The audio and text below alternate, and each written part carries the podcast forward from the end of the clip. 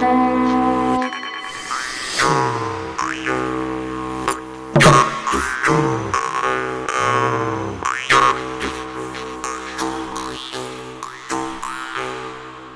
ritu raksti. Labdien, jums teica tradicionālās kultūras raidījuma laika ritu raksti vadītāja Iveta Medene. Šodienas raidījuma temats - rakstu zīme Ugunskrusts. Pērkonkrusts, zaru krusts, zarainītis, dzirnaviņas, laimes krusts jeb svastika. Par šo tik arhaisko, mistikas pilno un reizē mūsdienās ļoti populāro rakstu zīmi esmu aicinājusi. Un bīstamo. Un bīstamo, jā, esmu aicinājusi izteikties folkloristi Janīnu Kursīti, mākslinieci, vēsturnieci, etnogrāfi Aneti Karlsoni un arheologu Gunti Zemīti. Labdien visiem! Labdien! Labdien!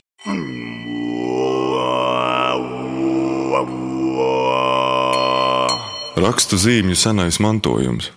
Jautāšu Janīnai Kursītei. Manuprāt, nekur citur pasaulē nav sastopams tik daudz šīs zīmes nosaukumu un variāciju kā Latvijā.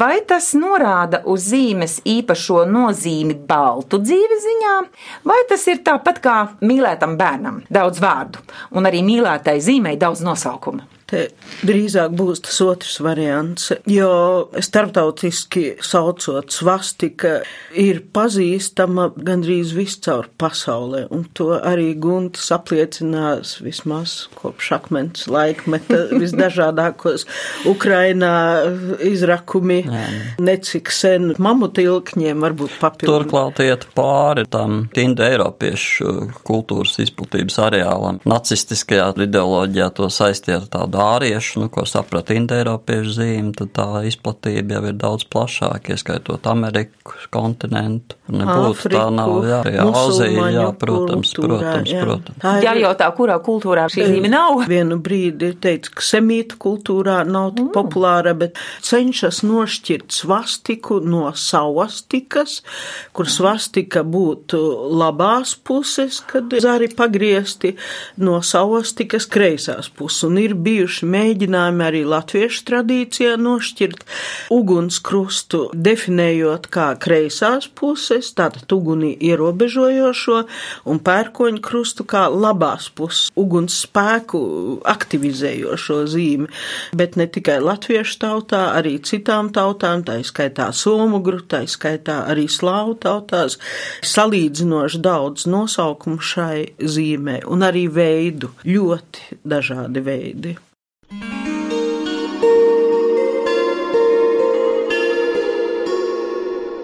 Rakstu zīmes un simboli. Gunti, ko simbolizē šis ugunskrusts? Simboli jau saprot arī ir tikpat daudz, cik nosaukumu, tikpat arī skaidrojumu. Nu, neapšaubām tas ir arī tai plašajā solāro simbolu kategorijā no Saules, četras debesu puses rotācija. Nu, tur, man liekas, viss ir arī pateikts, nepārtraukta dinamika. Katrā ziņā tas ir tiešām uzskatāms par simbolu, ne tikai zīmi, jo viņš ir izgatavots arī dažādās telpiskās formās, izolēts, sastapts. Un es pieņemu, ka tajā laika gaitā arī, pat ja mēs norobežojamies no pasaules, tikai sašaurinamies līdz uh, savai etniskai teritorijai un vēstures gaitā mēs skatāmies, man šķiet, ka arī tās nozīmes ir mainījušās un uztver ir mainījusies un ka vienu brīdi varbūt viņš ir tiešām kā tāds kaut kāds sabiedrības elites pazīme, jo viņi atrodas tiešām uz ārkārtīgi prestižām rotām, ļoti tādām smagām, masīvām, jā, tā kā, nu, arī tāda iespējams šī nozīme varētu būt bijusi. Rakstu zīmes arheoloģijā. Mēs varam šo simbolu atrast no 3. gadsimta. Tas pazīstamākā ir tā trikāta sakte, tur tas ugunskrusts, svastika ir caurlauzuma tehnikā veidota. Bet uz labo pusi. Jā, nu, iet jā, tas ir ļoti līdzīgi kā vidus Eiropā izplatītajā laikā ir Halštatas kultūra, ko saist ar ķeltiem un kas ārkārtīgi spēcīgi ietekmē pasauli. Jā. Tas izpildīšanas veids un stils ir vienāds. Un tāds izteikti jau baltiski roti, kas ir ļoti tipiskās baltu tā laika formās, tas ir vecaugs rasbuka kakleriņķis, siliņķis, kur ažūrā caurlauzuma tehnikā veidotā piekariņā mēs redzam gan vienu pusi, gan otru pusi vērst šī arī rotācijā esoša, tāda dinamikā esoša šie ugunskrustu veidi vai svastika, ja, kur viņi savstarpēji savijās, bet ir gan uz labo pusi, gan uz kreiso pusi. Un tas ir 4. gadsimts. Un tālāk jau tad viņš turpina dzīvot savu dzīvi līdz pat 19. gadsimtam. Un es jau laikam kādā no iepriekšējiem raidījumiem minēju, kad tad, kad sāku vākt eh, šīs zīmes un sāku interesēties par viņu simboliku un nozīmi, tad eh, divas izplatītākās bija. Tas bija tas saucamais Lietuvānu krusts un pērkoņu krusts, ko Matīs Siliņš eh, savulaik 19. gadsimtā rakstīja, kad latviešiem, jā, tātad vairāki latviskajos apgabalos tieši šis ugunskrusts ir raksturīgs, vai pērkoņu krusts savukārt lībiskajos, somiskajos vairāk, nu tātad šis Lietuvānu krusts, lai gan pazīstam ir gan vienā, gan otrā kultūras apgabalā, gan viens, gan otrs.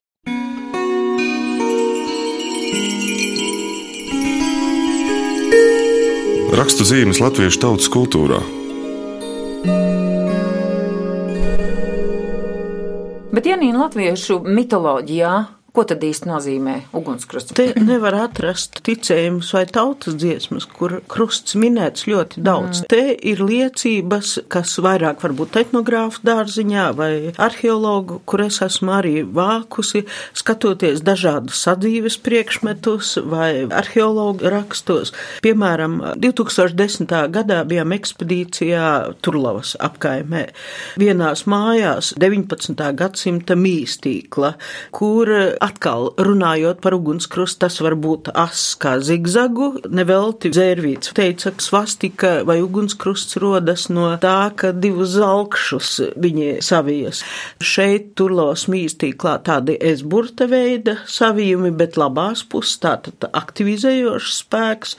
Savukārt Viļņas muzejā podiņu krāsnes 18. gadsimts kreisās puses ugunskrusts to uguns spēku ierobežo ierobežojuši. Un līdzīgi Alsungas pirtiņā, nu, kurai arī grūti pateikt, nu, 19. gadsimts varētu būt tā vizuāli, kur trīs zīmes, pirtī dzemdību vieta, tātad Lietuvēna krusts, pa vidu vertikāla zīme, kas stiprina to labo un kreiso, un labajā pusē kreisās puses ugunskrusts, nu tāds eh, pret nodegšanu, pret to, lai ierobežotu uguns.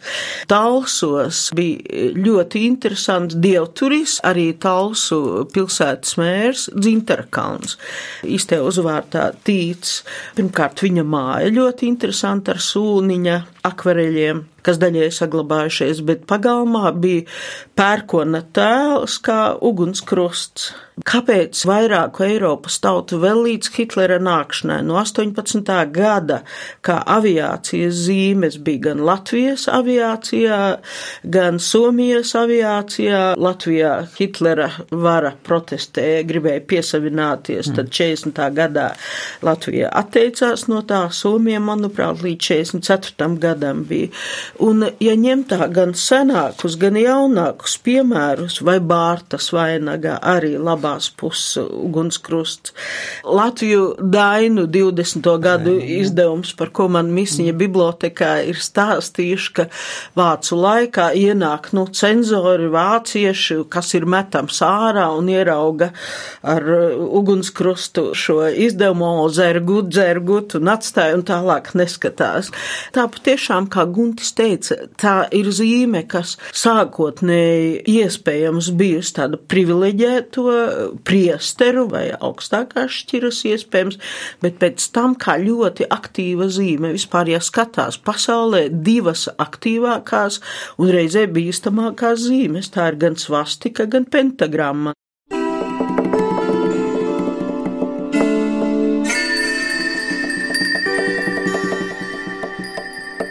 Rakstu zīmes apģērbā. Es vēl gribēju druscīt par to labo un kreiso pusi. Jā. Es domāju, ka tā ir drusciņa mūsu laiku sabiedrības vēlme ielikt to sajūtu, kādu mēs tur gribam saskatīt. Jo to, ko es esmu skatījusies etnogrāfiskajā materiālā, es nevaru pateikt, kad ir bijušas divas atsevišķas zīmes, kur vienai būtiska nozīme, ka griežas uz vienu pusi, otrai, kad uz otru pusi, ka būtu šie atsevišķie nosaukumi, jo bieži vien pat vienā kompozīcijā trīs ugunskrusti griežas uz vienu pusi, viens uz otru pusi.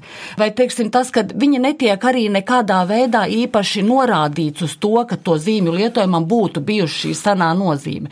Tas, ka mēs mūsdienās to gribam tā saskatīt, tā ir mūsdienu sabiedrības vēlme iedot šīm zīmēm citu, tā teikt, papildus jēgu, papildus kaut kādu skaidrojumu, jo tas palīdz mūsdienu sabiedrībai. Es stipri apšaubu, vai tanī laikā, kad cilvēki viņas lietoja, vai viņi uztvēra tieši tāpat. Vismaz etnogrāfiskajā materiālā tas gan piekrītu, gan nepiekrītu. Piekrītu, ka ik pa laikam kaut kas mainās, nekas nevar palikt tradīcijā nemainīgs. Var mainīties, var aizmirst un līdzīgi. Bet tā pati kaut vai Kārļu saga, kas Stāmerienas villaini. Nu, Kārļu ainavs. Jā, arī, jā, viņā ir. Bagātākā Stāmerienas villaini. Jā, jā, viņā ir kreisās puses un labās. Kreisās, labās, kreisās, labās. Ja pareizi atceros, trīs vai četras rindas, kā nomiri, tā atzīmes. Un tam ir paralēlas gan sengrieķu, gan romiešu, gan druīdu, kur ir šī nomiršana, atzimšana. Un uz dažādiem kapu pieminekļiem, kreisā, labā, mija, un reizē tas arī paralēls ar dzirnakmeni. Varētu teikt, nu kāda vaina, ka dzirnakmeni griež uz kreiso pusi, bet to uzskatīja kā sauli griezt pretējā virzienā iznīcībā. Nē, nu, tas, ka jaunajā, tas, jā. ja skatās 20. 30. gadu, tad izšūmos tur ir gan labās, gan kreisās puses un pārsvarā pat kreisās. Lieldienu apsveikumā kartīte no 20. gadiem, lieldienas atzimstošā saule kreisās puses. Nu, tur nav vairs tās sajūtas. Nē, nu, bet, piemēram, es runāju konkrēti, kaut vai lielvārds jostās ir tas, kad ir, nu, teiksim, lielās zīmes vidū ir četri mazi ugunskrustiņi, un tad ir tā, ka trīs griež uz vienu pusi, viens uz otru pusi. Jā, piekrītu, ka ir šis eh, pasaulē pret saulē, jo arī koki augot griežas vērpjas vienā virzienā, tas ir saistīts ar saules kustību. Bet es domāju, ka tas tā varētu būt, un tanī pašā laikā, lai to tā neapgāžam pierādītu, ir par maz paņemt vienu priekšmetu un teikt, lūk, šajā priekšmetā mēs to redzam, tā tad tas ir vispār pieņemta likumsakarība. Manuprāt, Aneta, tu piekritīsi, ka tas, ko mēs redzam šeit senatnē, arheoloģiskā materiālā, arī etnogrāfiskā materiālā 19. gadsimtā, tā tomēr ir tautas māksla. Tautas māksla seko būtībā tradīcijai pamatā. Jā, jā. Viņā ir maz radošuma. Jā. Radošums ir, bet nav tāda izlecoša mākslas darbi, kas kaut kā ļoti, ļoti atšķirtos. Jā. Viņš tomēr radošums ir kaut kādos rāmjos tehniski, iekļaujās. Jā, jā, viņš ir noteiktās robežās, bet tanīs robežās tā radošuma ir, kā es to zīmi attēlošu tā vai savādāk. Ja reiz mākslinieks, tad es kā audēja, tu sajūti, ko dod tehnika, ko dod tradīcija un kādas ir iespējas izdarīt tās lietas tā vai savādāk. Un tad tu redzi, jā, šis ir tas lauciņš, kur varētu izdarīt simts un vienā veidā, bet nē, tas tiek darīts konsekventi tikai mm. vienā veidā. Un tur ir tradīcija. Tanī pašā laikā daudz lietas kaut vai jostās, josta savā ziņā ir grafisks izpausmes veids. Un tur ir iespēja variēt, un tur ir iespēja dzīvot nu, arī ārpus šīs tradīcijas. Nu, tā, tā kā stila mainās, nu kaut kas ienāk, ja, un, piemēram, nu, ja mēs ņemam, te, teiksim, tos agrākos ugunskrustu variantus, tad viņi ir vienkārši. Vienkārši šis ugunskrusts. 7. un 8. gadsimts uz manšeta aprocēm mēs jau redzam, ka viņi apauga tā saucamiem kuplinājumiem. Tur saplūst dažādas zīmes, veidojas aizvien komplicētais, komplicētais, komplicētais. Tas netraucē atkal kaut kādā brīdī atgriezties pie ļoti vienkāršas, klasisks vastiks. Lībiešu šīs te jostās celainais, jā, iešūt, jā, ļoti, ļoti klasiski mēs redzam, nu, izteikti kā no mūsdienām. Nē, nu, mana dziļākā pārliecība ir, ka eh, tās zīmes, kas tika lietotas apģērba rotājumam bija nevis tikai rotājums, bet viņam bija arī šis vairāk vai mazāk apzinātā funkcija aizsargāt, vēlēt labu, jo, nu, pretstatā kaut vai rotāts, nerotāts apģērbs, rotātais vienmēr būs svarīgāks. Un arī tanī pašā laikā tās zīmes, kas mums bija apģērbā, viņas visas bija labu vēlošas, ar viņām viņas nebija kaut kādas ļaunās zīmes. Bet vēl par ugunskrustu runājot, tad ugunskrusts parādas jostās un jostu audumos tas, kas ir jaunākais slānis, kas rakstā dārstainās audenes salīdzinoši maz, jo tad ir tāda sajūta, ka tas ugunskrusts jau ir, ka viņa laiks ir pagājis. Viņš parādās kaut kur izšuvumos, druscī, tā kā sievu cepurēs, eh, vai tā kā te minēja par vainagu. Parādās atsevišķi mazi, bet bez, bez šiem greznajiem skaistiem zariem, tiešām lielvārds jostā. Tad interesanti man izdevās atrast vienu krustpils jostu, kura ir veca kārtīga josta, kur nu nav nekādas domas par to, ka tas būtu kaut kāds jaunāku laiku modas darinājums, kur ļoti skaisti, bagāti zarot ugunskrusti, ir krustpilstība jostā. Bet principā ir tāda sajūta, ka ja arheoloģijā viņš tiešām bija tāds status simbols, kas apliecināja cilvēka vietu sabiedrībā, tad etnogrāfijā tas ugunskurs laiks tā kā jau ir pagājis. Viņš varbūt paliek teikās, pasakās, varbūt viņu vilku uz pelniem vakarā uguni apraušot, bet tekstīlijās viņš tā kā vairs nav. Rakstu zīmes rotās. Jā, bet es vēl gribēju runāt arī par to, ka eh, nu, redz, viņi jau sastopas arī gan vīriešu, gan sieviešu rotās. Kas ļoti interesanti, ka vairāk eh, viņš ir eh, nu, tā konservatīvi zemgaļu kultūrai ļoti raksturīgs. Vai tas liecina, ka zemgaļiem nav vairāk kaut kāda īpaša impulsa no ārienes nākuši, atšķirībā no latgaļiem, kur varbūt ienāk kaut kāds trīsinājuma raksts un varbūt kaut kāda ārēja impulsa vairāk, ka tā kultūra ir tāda monolītāk attīstīsies, jo zemgaļu sieviešu šie skārdu vai nu, starpskārdīts Lietuvas teritorijā Latvijā ļoti izteikti tur ir svastika sastopama arī uz manšeta aprocēm, tad pēc tam vēlajā dzelzs laikmetā ir uz lielu, smagu, pakausāktu galiem skalņotajiem izolēts šis elements. Jā, tas ir interesanti. Rakstu zīmes, sadzīves priekšmetos. Un kas vēl, ka neapšaubām, ka viņam acīm redzot, ir kaut kāda vai nu laba, vai ļauna, vai, vai kaut kāda simboliska nozīme bijis, man suģistē tas, ka reizēm viņi sastopas arī uz vērpamās vārpas skriemeļiem. Nu, tā vērpšana tomēr drusciņi varētu būt jā, es, maģisks process. Es tieši par to arī jā, gribēju kad, par tiem piemēriem, jā, kur kad, no dažādiem jā. reģioniem, dažādiem laikmatiem ir vērpamās vārpas skriemeļi, kur ir uh, ugunskrusti. Jo vērpjot dzīves pavadienu, ja viņš sametās, tas nav labi. Nu, ja pārtrūks, tad pavisam slikti, vai ne? Tas ir drusku tā kā tāds. Tad mēs pienākam darbība. pie funkcijām lietām. Protams, gan kādu audumu vai sakšu vai segu vai jostu var aust skaistumam, un jau 19. varbūt 18. gadsimtā daļai jau rodas šis skaistuma, kā audēja redz, kā viņi izkārto, tas viņu simetrijas izjūta, bet senākā tradicija, vēl tradicionālākas, protams, arī, kā Guntis teica, tradīcijas ar mēdz mainīties, bet svarīgākais ir maģiskais, pasargājošais, un tur tu drīksti mainīt ne kodolu, bet to, kas apkārt, kas nav svarīgais. Un svastika, ko mēs redzam, tāpat kā pentagramma no mūsdienām, ir viena no tām zīmēm, kas ir joprojām ar maģisku pieskaņu. Nu, tas ir no vienas puses muļķīgi teikt, ja kāds nelietīgi izmantoja zīmi, ka mēs to aizliegsim, bet redzat, cik tomēr ļoti svarīga tā zīme joprojām mūsdienās ar maģisku pieskaņu, lai gan, nu, šodien teikt, ka mēs īpaši domātu par to, mēs vairāk skatāmies no skaistuma mūsu izkoptās izjūtas, bet pavisam nesen, 2005. gadā, pirms vairāk Vairas Vīģis Freibergas braucienu es speciāli piefiksēju uz parādi Maskavā, kas nu netika viennozīmīgi uztverta 9. maijam. Krievijas informācijas aģentūra Regnum izveidoja karikatūru, kurā Vaira Vīķa Freiberga tēlota kā naciste ar ugunskrustu uz rokām. 2005. gada Eiropas parlamenta deklarācijā tika aicināts atzīt svastiku par miera reliģisko simbolu, kas tā tā arī būtu, īpaši no indiešu Gandija kustība un tādu, jā, jo šī zīme, kā tur Ukrainā desmit tūkstoši gadu pirms Kristus, manuprāt, izrakumos redzēts nesekmīgi. Necik sen hokeja mača laikā Rīgas Dinamo pret kādu no Krievijas komandām darbība notika Latvijā. 17. novembris izveido svētku šovu un viena no zīmēm ugunskrasta zīme - oficiāls trācis un savukārt mums līdzīgi notiek, kad mēs redzam sarkanu piecstūru zvaigzni, lai gan, ja tā ņem, tas ir viens no veidiem Lietuvēna krustam. Rakstu zīmes dabā. Un īpatnējas lietas arī 90. gadu sākumā lidotāji pamanīja tās augtās meža svastikas.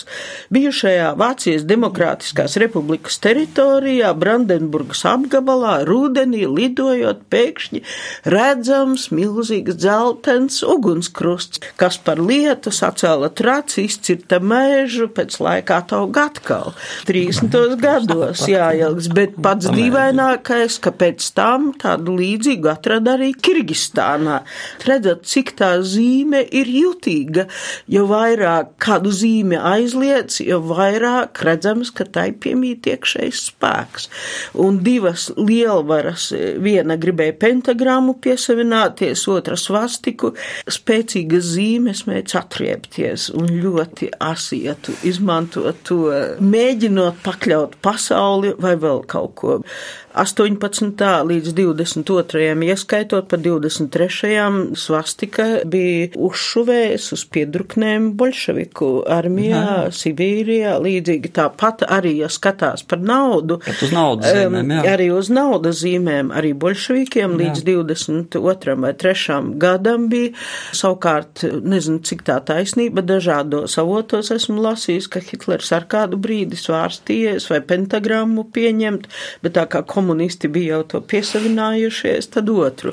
Tā tas ir ar tām zīmēm. Nē, nu, te es domāju, ka tas ir ka zīmes darbojas kā zīmes, tad, ja viņas nevis tikai māca rakstīt, bet māca arī lasīt. Un mm. lasa konkrētā sabiedrība. Ja mēs viņu lietojam ar tādu nozīmi, kuru citi māk nolasīt, tad tā zīme darbojas, un tad tur vienkārši rodas tās diskusijas par to, ar kādu nozīmi mēs viņu lietojam. Nepaies ne 500 gadi, un tāpat kā Gotlandē, augustā varēs svinēt kā lielu svētkus dāņu iebrukumu Gotlandes salā.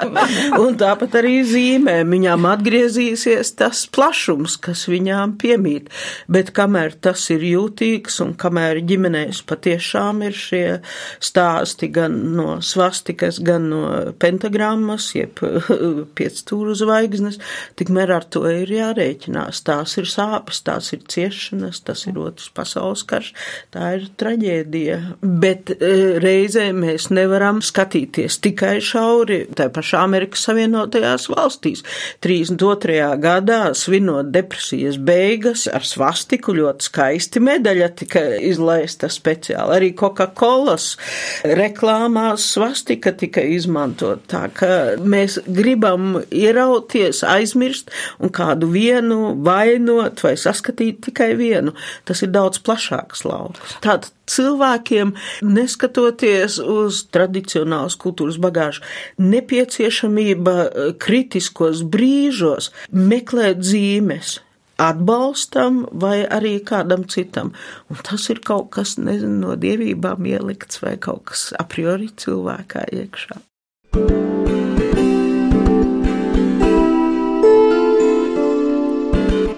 Rakstu zīmes debesīs. Viens no ugunskrusta veidiem ir lielo greizo ratu novietojums visa gada garumā saulstāvjos. Ja centrā ir polāra zvaigzne, tad lielo greizo ratu novietojums attiecībā pret polāra zvaigzni piefiksēts šajos saulstāvjos vai saulgriežos veidos ugunskrustu. Zīme, kas ir neizsmeļama. Jā, tieši tā.